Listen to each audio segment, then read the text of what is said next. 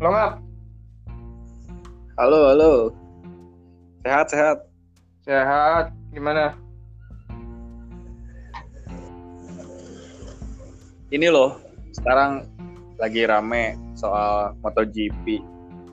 Kan terakhir Indonesia jadi tuan rumah tahun 1997 ya di Sentul Bogor dan sekarang antusiasmenya tuh tinggi banget nih. Yoi. Lo sendiri uh, suka MotoGP nggak? Gue sendiri sebenarnya suka ngap dari zaman uh, Rossi dulu gitu ya.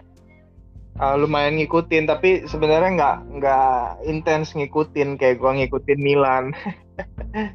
Cuma suka-suka aja. Nanti kalau ada jagoan baru kayak dulu uh, apa sekarang Marquez gitu uh, lumayan suka. Terus Finales, Johan Jarko gitu-gitu gue lumayan suka. MotoGP sendiri itu gue uh, pernah nonton langsung up dua kali. Yang hmm. Nah, itu memang memang itunya beda banget sih dibanding dibanding nonton di TV. Apa vibes-nya itu uh, apa ya namanya ya experience-nya itu beda nggak gitu suara motor mereka tuh sampai bikin kuping mau pecah itu rasanya seru banget di sana walaupun sebenarnya lebih lebih enak tuh nonton di TV sebetulnya gitu. Cuma sensasinya itu yang yang beda gitu. Kalau nonton nonton langsung up gitu.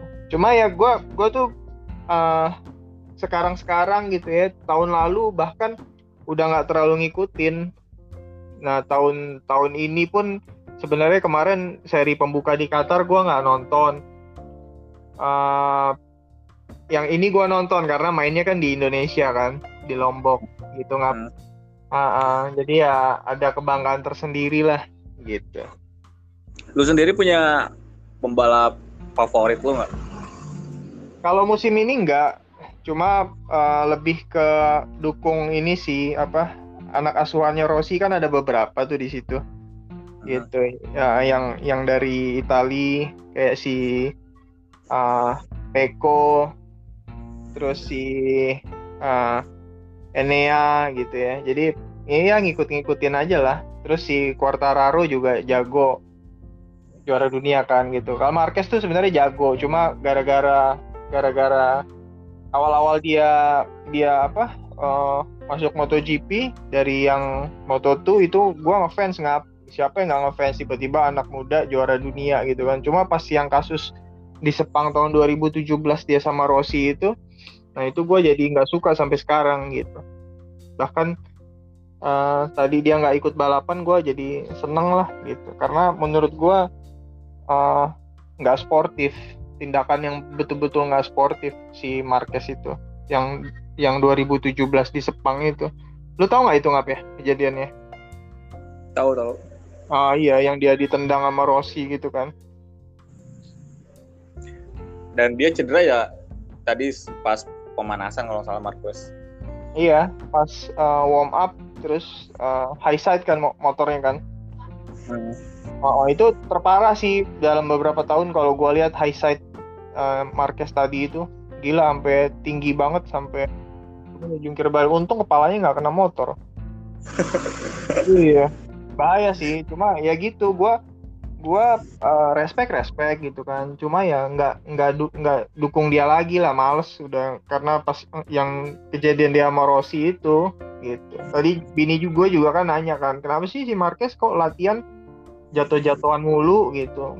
Nah uh, dia memang gitu tipikalnya. Jadi sewaktu latihan ini dia setiap sirkuit itu dia selalu cari sampai bener-bener limitnya nggak gitu. Setiap tikungan itu dia cari limitnya jadi dia pasti sering jatuh gitu. Statistik dia uh, dua tahun lalu itu ya memang yang paling sering jatuh gitu. Karena dia di latihan dia jatuh. Dia cari limitnya itu sampai mana sih motor gua gitu kan. Mampu mampu kecepatan ini sampai mana gitu. Makanya dia sering jatuh. Tapi pas pas udah race ya jadi dia tahu udah paling cepet gitu nggak Hmm. Itu itu hebatnya dia.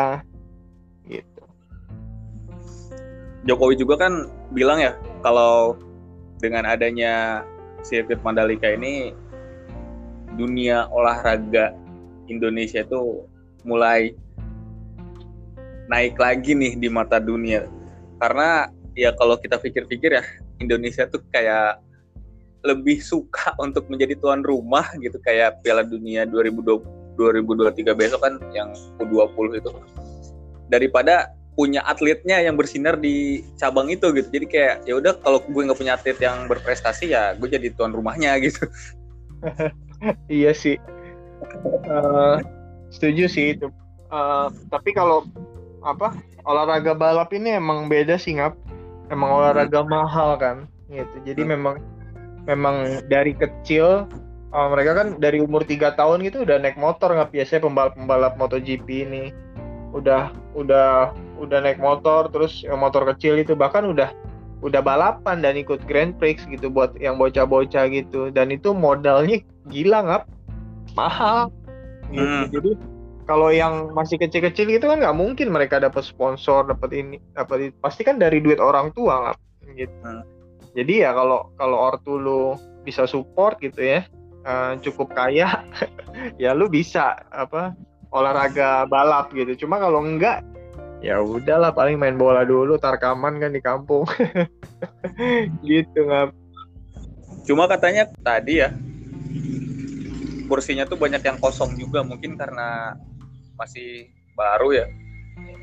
Iya mungkin karena masih baru terus uh, di lombok ya ngap ya?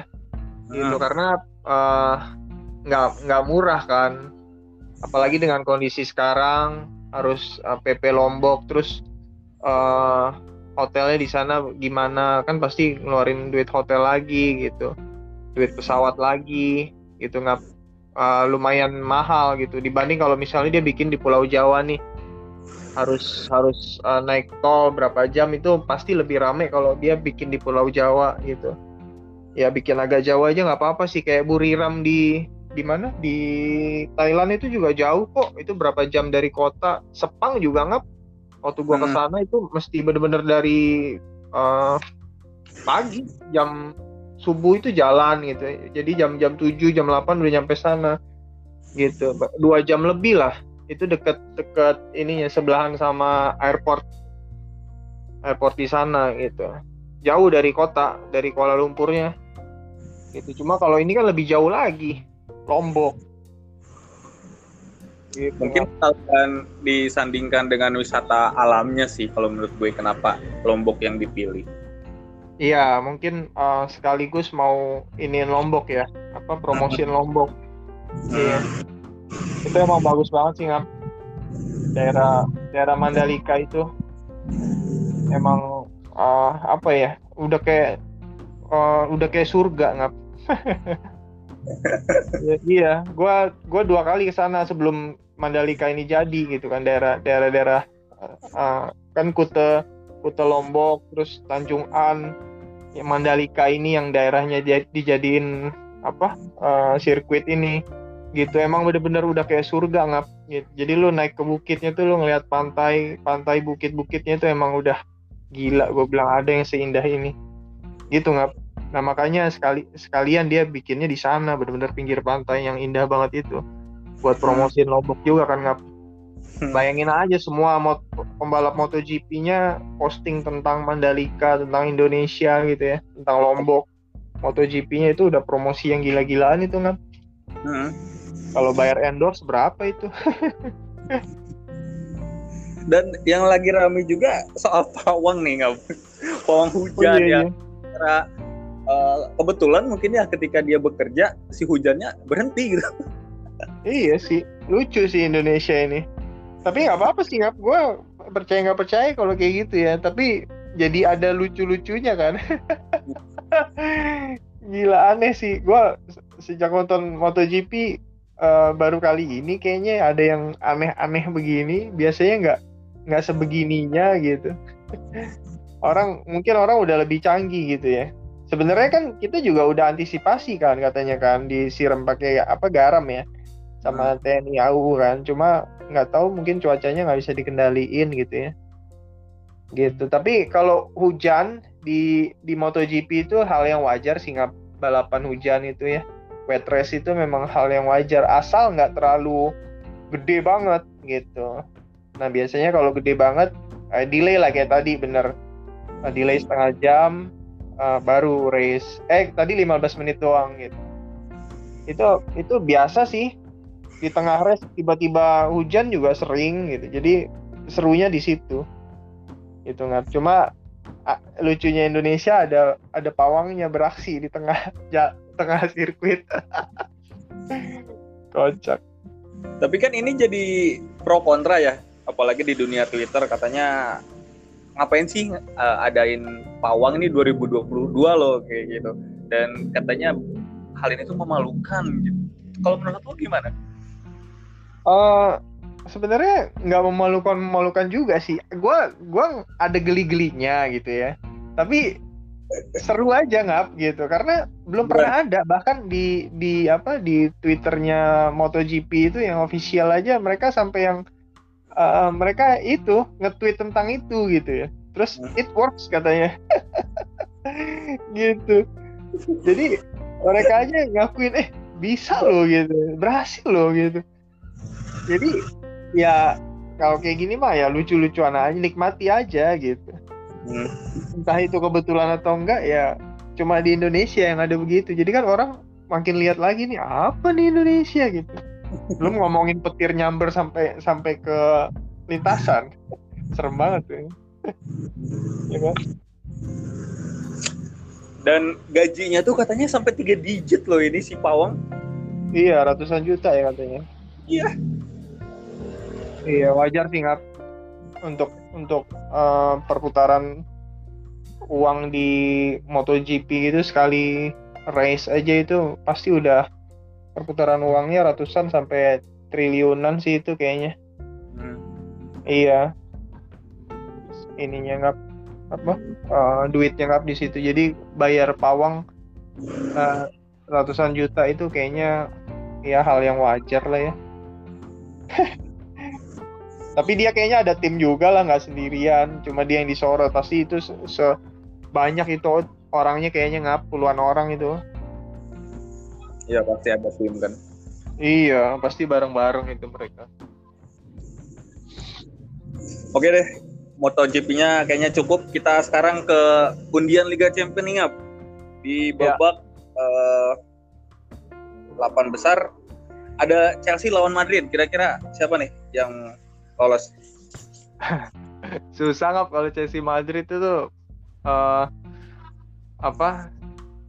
Chelsea eh yang juara siapa ya kemarin ya? Chelsea kan ya? Chelsea ya. Iya kan? Chelsea juara. Madrid berpengalaman gitu kan juara juara dua tahun sebelumnya ya Madrid ya. Tiga. Uh, jadi oh tiga ya? Jadi ya apa ya? Ya timnya seimbang lah. Yang penting sama-sama full tim gua rasa uh, sulit nggak kalau mau lihat siapa yang favorit gitu. Paling faktor X aja nantinya pada saat mereka ketemu leg satu leg dua gitu. Hmm.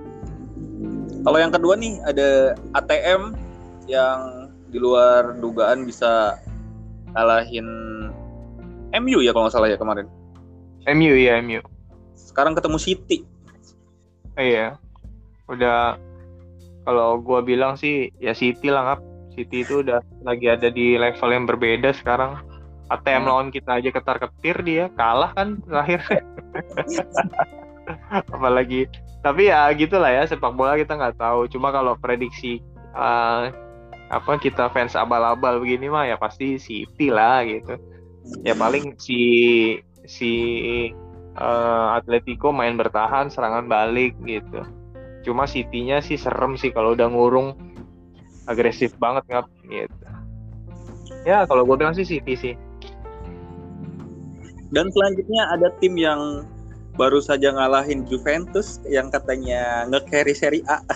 Villarreal. Menghadapi Bayern Munchen nih. 03 ya? Aduh. Makanya. Tapi uh, Munchen juga ini sih nggak mengerikan juga ya kayaknya sih muncul lah kalau nggak ada yang keajaiban keajaiban banget sih harusnya muncul lolos dan terakhir nih ada tim yang dimiliki oleh Rui Costa Benfica ketemu dengan Liverpool yang di fase sebelumnya ngalahin Inter. Iya. Uh, Ricosta tuh jadi apanya nggak ya? Presiden kalau nggak salah. Oh presiden ya. Iya. Yes. Ya udah gue dukung Benfica aja deh nggak. gua walaupun gue nggak kenal pemain-pemainnya, gue dukung Benfica aja lah. Aduh. Oke deh, uh, untuk prediksi ya siapa yang lolos di 16 besar mungkin tadi Chelsea Madrid lu nggak bisa nebak susah. Uh, Iya. lu milih City, Villarreal, Munchen, Munchen kalau nggak ada hal-hal aneh dan Benfica Liverpool lu milih Benfica karena ya ada sosok Rui Costa di sana. uh, ke AC Milan nih yang semalam ngalahin uh, Cagliari dengan skor tipis aja 0-1. Ini banyak banget peluang? Uh, menurut lo apa sih yang terjadi di AC Milan? Apakah emang mereka tuh segugup itu gitu ketika ada di fase ofensif?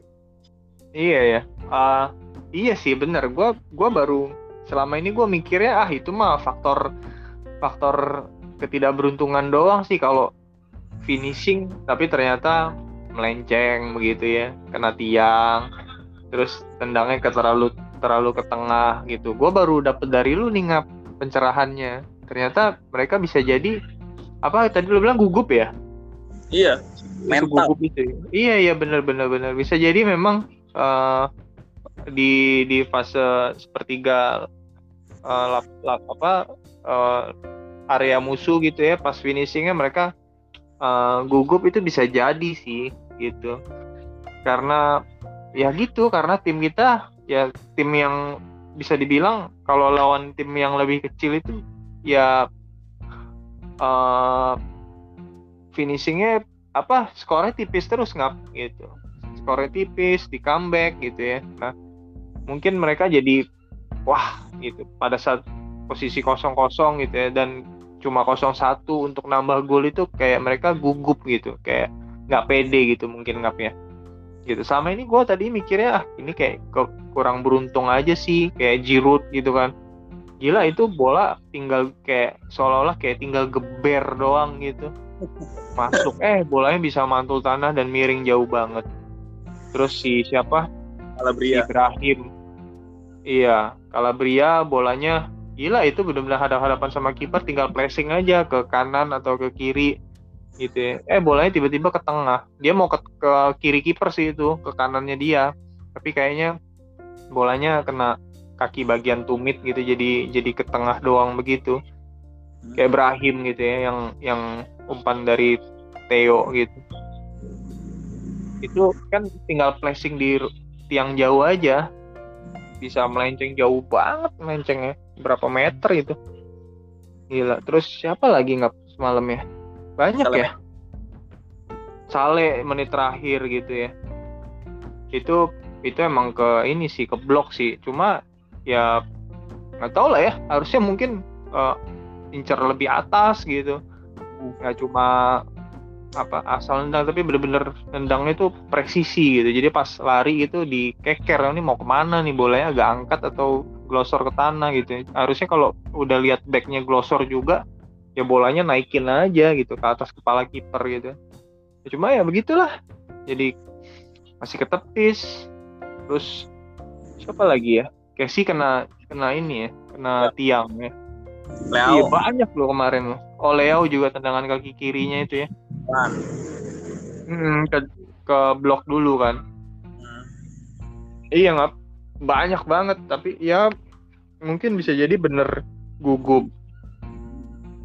Uh, bisa jadi uh, ya ada faktor nggak beruntung juga gitu kan. Cuma ya harus bener-bener ini sisa 8 pertandingan nih kayak nggak boleh nih begini. Kita tuh hoki aja kemarin menit 93 masih kena tiang bayangin aja nggak jantung gue udah kayak mau berhenti. Gue bilang wah bahaya nih kalau diserang ternyata gol. Gila sundulan begitu. Masih kena tiang sih beruntung banget. Kalau kita ada modal 2-3 gol kan kalau gol-gol kecolongan begitu ya udahlah kita masih aman gitu. Cuma kalau cuma satu kosong itu ya kasihan yang nonton nggak deg-degan terus. Gitu. Tapi secara permainan AC Milan semalam itu lebih baik menurut gue dari cara mereka uh, mengatur ritme dan membuat peluang-peluang yang ada walaupun nggak bisa dikonversi jadi gol ya. Dan gue nggak tahu juga ini tuh hal positif atau enggak ya. Karena kita tuh menang kemarin oleh gol dari Kalulu tuh back tengah kan. Sekarang yeah. Benas yang tiba-tiba datang gitu. Sedangkan kan sebetulnya kan uh, mencetak gol adalah tugas paling utama dari striker atau para penyerang gitu. Iya, uh, apa ya sebagai sebagai sebuah tim ya gua rasa hasil yang kita dapat ya uh, oke-oke aja nggak gitu. Nggak ada yang salah. Hmm. cuma ya memang ada sedikit keberuntungan kenapa uh, seorang back tengah bisa mencetak gol seorang gelandang nggak bisa mencetak gol. Tapi kadang begitu tim itu butuh hal seperti itu nggak gitu. Kadang kalau strikernya buntu ya udah yang ada di line kedua yang harus bisa mencetak gol mau nggak mau gitu. Kalau memang ternyata uh, tim lawan bermain rapat ya udah. Pasti kan tendangan jarak jauh lah yang jadi solusi gitu. Tendangan dari kotak luar kotak penalti yang jadi solusi dan ternyata Milan bisa memanfaatkan itu. Ya bisa dibilang beruntung? Iya. Bisa dibilang ya itu uh, bagian dari uh, strategi tim ya bisa juga iya gitu. Jadi nggak ada yang salah sih. Apalagi lihat lihat lihat uh, skema golnya kemarin ngap itu kayak memang udah udah uh, dilatih gitu lihat aja gerakan-gerakannya itu gerakan latihan banget. Hmm. gitu. dari tengah ke kanan ke tengah lagi terus dioper pelan ke Giroud Giroud jadi wall cuma satu sentuhan supaya si Benacer bisa bisa shoot. Itu udah udah apalan lah gerakan apalan kalau gue bilang sih. Dan uh, finishingnya yang uh, matang banget dan akhirnya jadi gol. Gitu ya. Gitu nggak bisa dibilang beruntung bisa jadi uh, 50 persennya itu memang udah dilatih gitu. Dan emang kalau lagi menang tuh semua hal-hal negatif tuh ya bisa diwajarkan gitu ya dan iya. kemarin itu uh, dengan banyaknya peluang yang uh, sia-sia gitu muncul seorang Benacer yang uh, di empat pertandingan terakhir dia jadi MVP gitu dan gue melihat ya tim ini tuh emang kayak diracik oleh Pioli agar tidak bergantung kepada satu dua pemain ya kita lihat Inter deh yang sekarang mereka kehilangan Brozovic gitu dan efeknya kan kurang baik untuk permainan mereka bahkan iya yang terakhir mereka cuma dapat 7 poin gitu. Sedangkan AC Milan itu kan ya lu tahu sendirilah kita kayaknya bergantian gitu cedera tuh. Hmm. Ya itu uh, bagusnya Milan ya ngap ya, bagusnya Pioli gitu. Kita lihat ya seolah-olah itu cobaan lah buat kita dari awal musim kita harus harus ganti-ganti tim gitu kan. Sedangkan Inter kayaknya mulus aja nggak ada yang cedera. Tapi lihat uh, dengan dengan apa berjalannya waktu seolah-olah menjadi bukti nggak gitu ya apa ya kayak memang kita udah diajarin dulu nih di awal supaya main tuh nggak bergantung sama satu tim yang winning tim itu itu aja pemainnya gitu kan. Kita harus hmm. rotasi. Jadi sebagai sebuah grup itu kayak kayak bener-bener uh, 20-an lebih pemain ini kayak udah nyatu nggak gitu. Oh minggu depan gue main nama ini minggu depan gue main nama ini kayak udah udah biasa aja gitu. Nggak nggak ada yang aneh. Sedangkan kalau sebuah tim yang kayak misalnya Inter dari awal musim mainnya sama dia dia dia dia dia aja udah hafal banget gerakannya seperti apa tiba-tiba diganti satu orang dua orang yang bukan bukan main sama dia dalam beberapa pertandingan terakhir udah bingung ngap gitu gerakannya beda cara ngasih bolanya beda gitu. Visi permainannya beda jadi langsung gelagapan gitu kan. Beda sama Milan. Ya, dari awal musim aja udah sering ganti-ganti pemain jadi yang dimatangin itu bukan bukan pemainnya tapi uh, cara bermain tim itu nggak gitu jadi ya ya sekarang kita jadi jadi kalau kita flashback di awal musim sampai yang pertengahan musim itu sampai Desember itu kita badai cedera kan nggak berhenti berhenti kan Hmm. Jadi kalau ingat itu lagi kayak seolah-olah kita jadi bersyukur kan ngap gitu. Wah untung aja gitu. Apa? Uh, Jadinya di awal. Iya di awal jadi pas ke sini-sini tim kita jadi solid ada yang cedera uh, pemain lain tuh selalu siap buat gantiin 100% levelnya nggak terlalu jauh beda gitu. Ya gitulah untungannya dan salah satu kuncinya itu adalah beberapa pemain yang emang versatil ya bisa bermain di beberapa posisi. Kayak Kalulu nih yang namanya sekarang lagi naik-naiknya nih dan duet dengan Tomori dia beberapa kali Milan walaupun menang tipis tapi clean sheet terus nih nggak apakah Betul. Lo nih dengan bagusnya Kalulu Milan masih butuh back baru. Uh, uh, lu udah pernah nanya ini nih ngap sebelumnya tapi nggak apa-apa. Kalau kalau butuh atau enggak ya kalau memang bisa dapet uh, sebuah pem, apa seorang pemain baru back baru dengan profil yang lebih uh, bagus gitu ya pemain internasional gitu pemain berpengalaman kuat solid ya kenapa enggak ngap gitu. Kita sebagai fans mah ya senang senang aja. Pasti pun uh, apa Milan pun sebagai sebuah tim gitu ya kedatangan seorang pemain yang kuat gitu ya ya pasti seneng. Teman-teman uh, apa setimnya juga pasti seneng gitu ke dapat seorang seorang back tengah lagi. Apalagi uh, isu perpanjangan kontrak Rockmanoli kan belum kelar-kelar nih. Bisa jadi dia out nah kalau dia out ya memang harusnya sih datang lagi satu ngap gitu. Kier sembuh. Nah tinggal satu lagi nih siapa back back muda yang mungkin bisa jadi dari Primavera bisa jadi Gabia atau Gabia dipinjemin eh, dari Primavera naik lagi. Ya kita lihat aja nggak gitu. Tapi kalau ditanya butuh atau enggak ya kita mah senang-senang aja. Asalkan profil pemainnya lebih lebih ya seorang pemainnya tangguh lah di posisi hmm. itu gitu nggak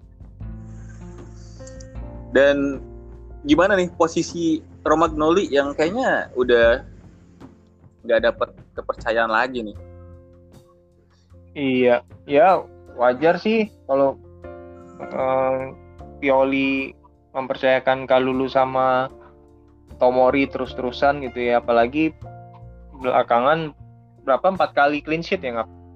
Hmm. Iya empat kali clean sheet bayangin aja betapa kuatnya gitu. Di atas lapangan pun ya kita bisa lihat lah sebagai fans dengan mata apa mata awam aja ngelihat permainannya Kalulu sama Tomori itu gila.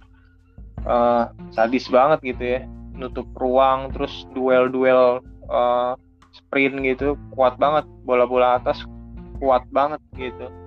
Ya ya wajar aja sih Rockmanoli terpinggirkan nggak gitu. Karena ya level permain dia kayak ya B aja gitu. Nggak se nggak segahar Kalulu sekarang apalagi Tomori gitu kan. Ya wajar sih nggak akhirnya dia uh, pada akhirnya ter, terpinggirkan gitu. Setelah ketemu back back baru yang di atas dia lah levelnya gitu. Ya tinggal si Kalulu bisa membuktikan aja levelnya itu bisa terus-terusan nggak gitu. Bukan karena performan satu dua bulan doang tapi memang kelasnya dia udah naik gitu dan yang sedikit lucu nih ya penilaian beberapa Milanisti terhadap Mesias yang kayaknya per matchnya itu beda-beda gitu. Misal di match ini tebus kayaknya tebus di match berikutnya kayaknya enggak deh. Menurut lo gimana kayak kayaknya Mesias ini memang nanggung ya statusnya tuh. Iya, dia masih pinjem ya nggak ya? Pinjem ya. Oh masih pinjem ya. Iya sih ya. Uh, di awal musim kayaknya menjanjikan banget gitu ya. Kalau bisa tebus tebus sekarang gitu. Coba kalau dilihat sekarang gitu kayak apa ya kok begini mungkin memang udah segini aja kelasnya gitu kayak semalam pun semalam tapi gue lihat secara keseluruhan permainan dia lebih baik lah dibanding uh, minggu lalu lawan siapa? Empoli. Empoli gitu. Oke okay lah dibanding minggu lalu permainan dia uh, apa? Uh, malam gitu nggak Iya, kayak gimana ya? Castillo kan udah dicadangin bahkan gak dibawa juga Makers yang habis diperpanjang kontrak malah menurun permainannya ya gimana ya, ya adanya squad kayak gini ya udah gitu dimainin masih ya Makers gitu udah. Nggak nggak bisa ngapain lagi. Iya. Malah tapi kemarin si Saleh begitu dimasukin malah jadi bagus permainan Milan ya. Uh. gitu. Uh, tektokannya dia sama si itu uh, dia sama uh, Dias terus Kronik juga begitu masuk gantiin Dias kayaknya tektokannya lebih cair. Dapet.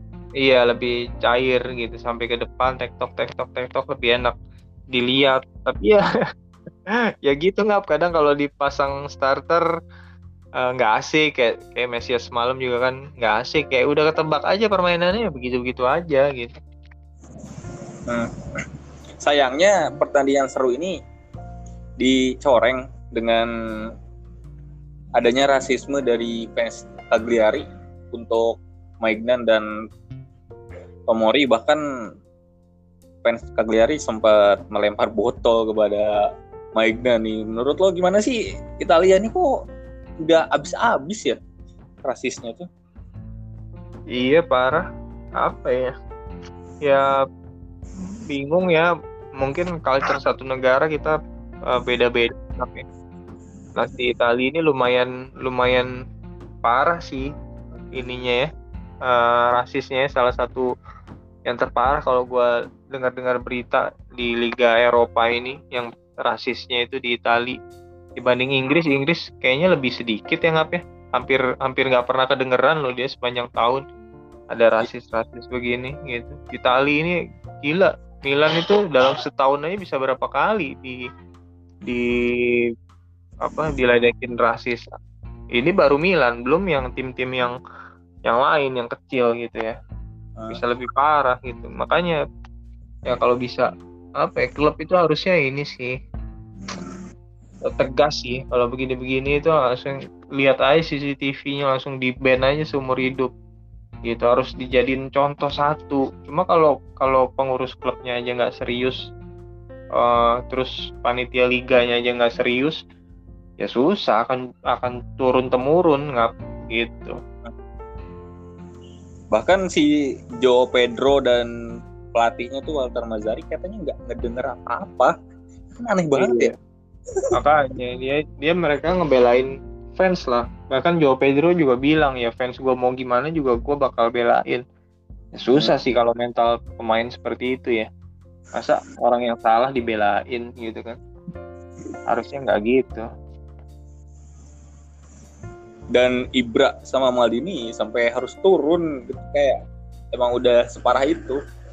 Iya dan gue ini sih nggak gue sempat lihat videonya ada dikirimin temen gitu ya. Melihat Maldini kayak gitu tuh kayak apa ya gue kayak uh, kayak apa ya nggak ya terkagum-kagum gitu. Hmm. gila ini seorang direktur teknik loh ngapa iya yang ada di tribun sebelum Hah? Ya kan sebelumnya dia nonton di tribun kan bisa turun ke lapangan gitu loh. Iya, apa hubungannya dia harus turun ke lapangan ini nenangin pemain gitu. nenangin ofisialnya Milan, pemain-pemain Milan gitu misahin. Ininya nggak ada nggak ada hubungannya nggak bukan kerjaan dia, cuma kayak karena memang uh, apa ya mungkin dia terpanggil kali ya. Hmm. Memang udah Maldini lah seperti itu kita tahu dia uh, kapten sejati Milan gitu kan. Ya memang ya ya udahlah memang nggak bisa dilarang. Dia pengen turun dia dia ngerasa dia harus bantu situasi-situasi seperti itu gitu kan. Makanya tiba-tiba ada gue bilang ah ada Maldini ngapain dia di situ? Kan beberapa kali gue pernah juga ngomong sama lo kan. Ini Maldini uh, kalau habis pertandingan ikut ngerayain gitu ya sampai ke tengah lapangan itu apaan sih? Kayaknya nggak ada di direktur teknik kayak dia gitu kan. Biasanya hmm. cuma disorot dari dari kamera lagi di tribun gitu kan. Kalau biasanya kalau kalau direktur direktur tim lain gitu kan. Hmm. di ruang VIP ya ini beda banget. Sampai turun ke lapangan ngerayain kemenangan gitu. Nah kali ini ada konflik. Turun ngelerai. Hebat sih. Bahkan ada satu foto dia meluk si Tomori Oh ada ya? Hmm, buat melerai dari pemain Cagliari kan yang nguber dia. Iya iya iya. Hebat ya, mantap. Ada kabar kurang baik juga nih kemarin uh, pemain yang baru didatangkan di Januari kemarin kan Lazetic uh, debut di Primavera masuk babak kedua tapi menit ke 80 udah keluar lagi karena katanya cedera punggung. Dan akhirnya kita mengetahui ya kenapa Pioli masih belum ngasih debut di tim utama. Iya pasti ngap gitu. Kalau kemarin gua sempat baca-baca gitu kan. Ini saatnya Lazetic nih masuk gitu kan. Uh, tim apa? Tim-tim lawan kan belum kenal permainan dia gitu. Gue nggak komen sih. Bahkan gue malah agak kurang setuju gitu karena pemain baru pemain muda terus masuk. Terus uh, teman-teman fans mengharapkan dia bisa merubah hasil pertandingan gitu. Dengan dia masuk cuma berapa menit gitu 5 menit 10 menit. Nggak bisa. Kalau gue pribadi sih nggak bisa gitu. Uh, sangat sulit gitu. Karena harusnya pemain dari luar dia masuk dulu nih bisa latihan bareng. Kalau levelnya udah sama dia latihan bareng di tim senior. Terus dia harus harus adaptasi nih sama permainannya sama strateginya taktiknya seperti apa gitu ya. Itu nggak semudah itu bayangin aja. Gitu apalagi uh, masuk di sebuah grup kayak Milan gitu kan.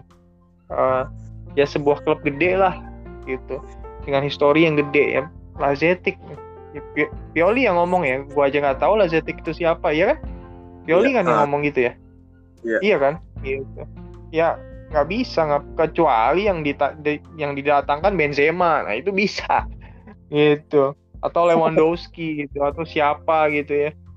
Nah itu ya bisa kita berharap begitu. Ini Lazetic ya nggak bisa. Pasti kasusnya sama kayak waktu Mesias datang ke Milan lah. Kayak gitu. Pasti dia dipersiapkan dulu untuk untuk mencapai levelnya Milan sekarang gitu. Apalagi Milan sekarang lagi ada di puncak gitu nggak nggak wajar pas kemarin oh debut di Primavera ya karena levelnya masih jauh dari level pemain-pemain kita Giroud, Ibrahimovic gitu. Itu nggak. Dan gue nggak bosan-bosan ya untuk memberikan apresiasi kepada Stefano Pioli karena kalau lu lihat ya uh, misalkan ya Milan itu apa mendapatkan hasil negatif di paruh kedua dan tercecer di papan tengah gitu. Bahkan berjuangnya bukan buat Scudetto tapi buat empat besar gitu.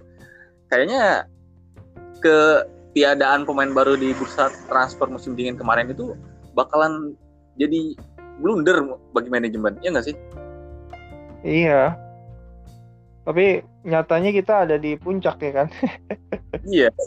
Iya itu dia ya wajar lah lu apa tadi lu bilang uh, nggak henti-hentinya mem, memuji apa memuji ya mengapresiasi oh, bahasa lu ya mengapresiasi gitu nggak ya ya mudah-mudahan lah ngap ya tinggal 8 pertandingan nih hmm. ya iya semoga aja nih squad kita hmm, walaupun kemarin Januari nggak ada tambahan pemain ya Lazetic doang gitu kan tapi ya minimal nggak ada yang cedera lah ya gitu. Sampai akhir musim kita cuma main seminggu sekali kan ya? Nggak ada yang di tengah ada yang di tengah minggu lagi nggak ya? Ada ntar semifinal pak kayak. Oh iya kita masuk leg 2 semifinal Copa ya. Uh. ya gitulah mudah-mudahan uh, pemainnya fit semua gitu. Ibrahimovic sembuh nggak cedera lagi nih sampai akhir musim mudah-mudahan gitu. Uh. next lawan siapa ya nggak Bologna. Bologna ya. Bologna yeah. sih kalau gue bilang sih Ibra boleh tuh jadi starter. Giroud kayaknya ini uh, lagi perlu istirahat kayaknya daya dobraknya udah udah kurang gitu. Tapi ini kan sebelum menghadapi Bologna kita ada FIFA Matchday dulu ya dua minggu dan ada beberapa pemain yang dipanggil juga termasuk Ibra dan Giroud yang menggantikan si Benzema yang cedera. Lalu ada teman-teman Milanisti juga yang bingung kenapa Tomori nggak dipanggil gitu dan kenapa uh, Florenzi yang dipanggil kenapa nggak Calabria? Padahal kan Calabria itu inti di Milan. Iya pasti ada ini sih nggak uh, faktor teknis sih di balik itu. Cuma ya sebagai fans kalau kecewa ya kecewa aja sih gua gitu kalau kalau dilihat fair-fairan ya gitu. Sekarang lihat aja te Tomori sama Harry Maguire. Jauh lah permainannya gitu kan. Calabria sama Florenzi walaupun uh, sama-sama timnas gitu ya dan Florenzi lebih senior. Tapi kan di Milan Florenzi itu cadangannya Calabria. Nah cuma kan kalau masalah uh, teknis taktis gitu kan si pelatih itu kan pasti udah karena dia udah biasanya pakai Florenzi dia seolah-olah uh, gambling nih kalau harus panggil Calabria masukin Calabria sebagai pemain inti walaupun patut dicoba kalau menurut gua gitu. Bukan sesuatu yang gak layak ngap gitu. Nah kecewanya mungkin di situ. Terus kalau Ibra ya ya selamat lah buat Ibra. Semoga dia nanti nggak capean nggak cedera lagi gitu kan. Yang seru sih gue lihat beritanya si Giroud gitu kan akhirnya uh, dipanggil lagi walaupun buat gantiin Benzema cedera yang cedera doang gitu tapi dia sempat ngomong kemarin uh, dia bilang uh, gue justru lebih memilih untuk bawa Milan juara ya setelah hmm. bertahun-tahun tanpa gelar dia bilang gitu dari dibanding gue uh, dipanggil ke timnas lagi gitu. Tapi ya gue selalu siap kok makanya gue nggak memutuskan untuk pensiun dari timnas dia bilang gitu. Itu itu jawaban seorang yang benar-benar uh, punya mental menurut gue nggak gitu yang profesionalismenya tinggi banget. Hmm. gitu ya kita ya beruntung lah punya orang-orang kayak Giroud ini di tim kita nggak gitu yang uh, dewasa profesional gitu kan. Uh, punya apa ya ya punya leadership juga kalau dia begini menurut gua gitu. Ya, untuk bantu pemain-pemain muda itu berkembang kan kalau ngelihat apa uh, rekannya seperti ini kan pasti kan wah gila. Berarti kan pemain-pemain muda itu secara nggak langsung bisa belajar nggak gitu. Kalau kayak kita mah mungkin ya giliran Benzema cedera aja gue dipanggil gitu ya. Iya kalau kita kan wah giliran Benzema cedera ya lo manggil gua gitu kan. Terus sosokan gitu. Ogah-ogahan. Kalau dia kan beda nggak nah itu kan yang yang bisa dicontoh sama pemain-pemain muda yang yang ada di Milan sekarang gitu. Yang notabene memang pemainnya masih muda semua gitu. Oke nih uh, thanks ya buat waktunya ya. Sama-sama Kap uh, kalah menang imbang apa pun itu tetap kayak Forza Milan Forza Milan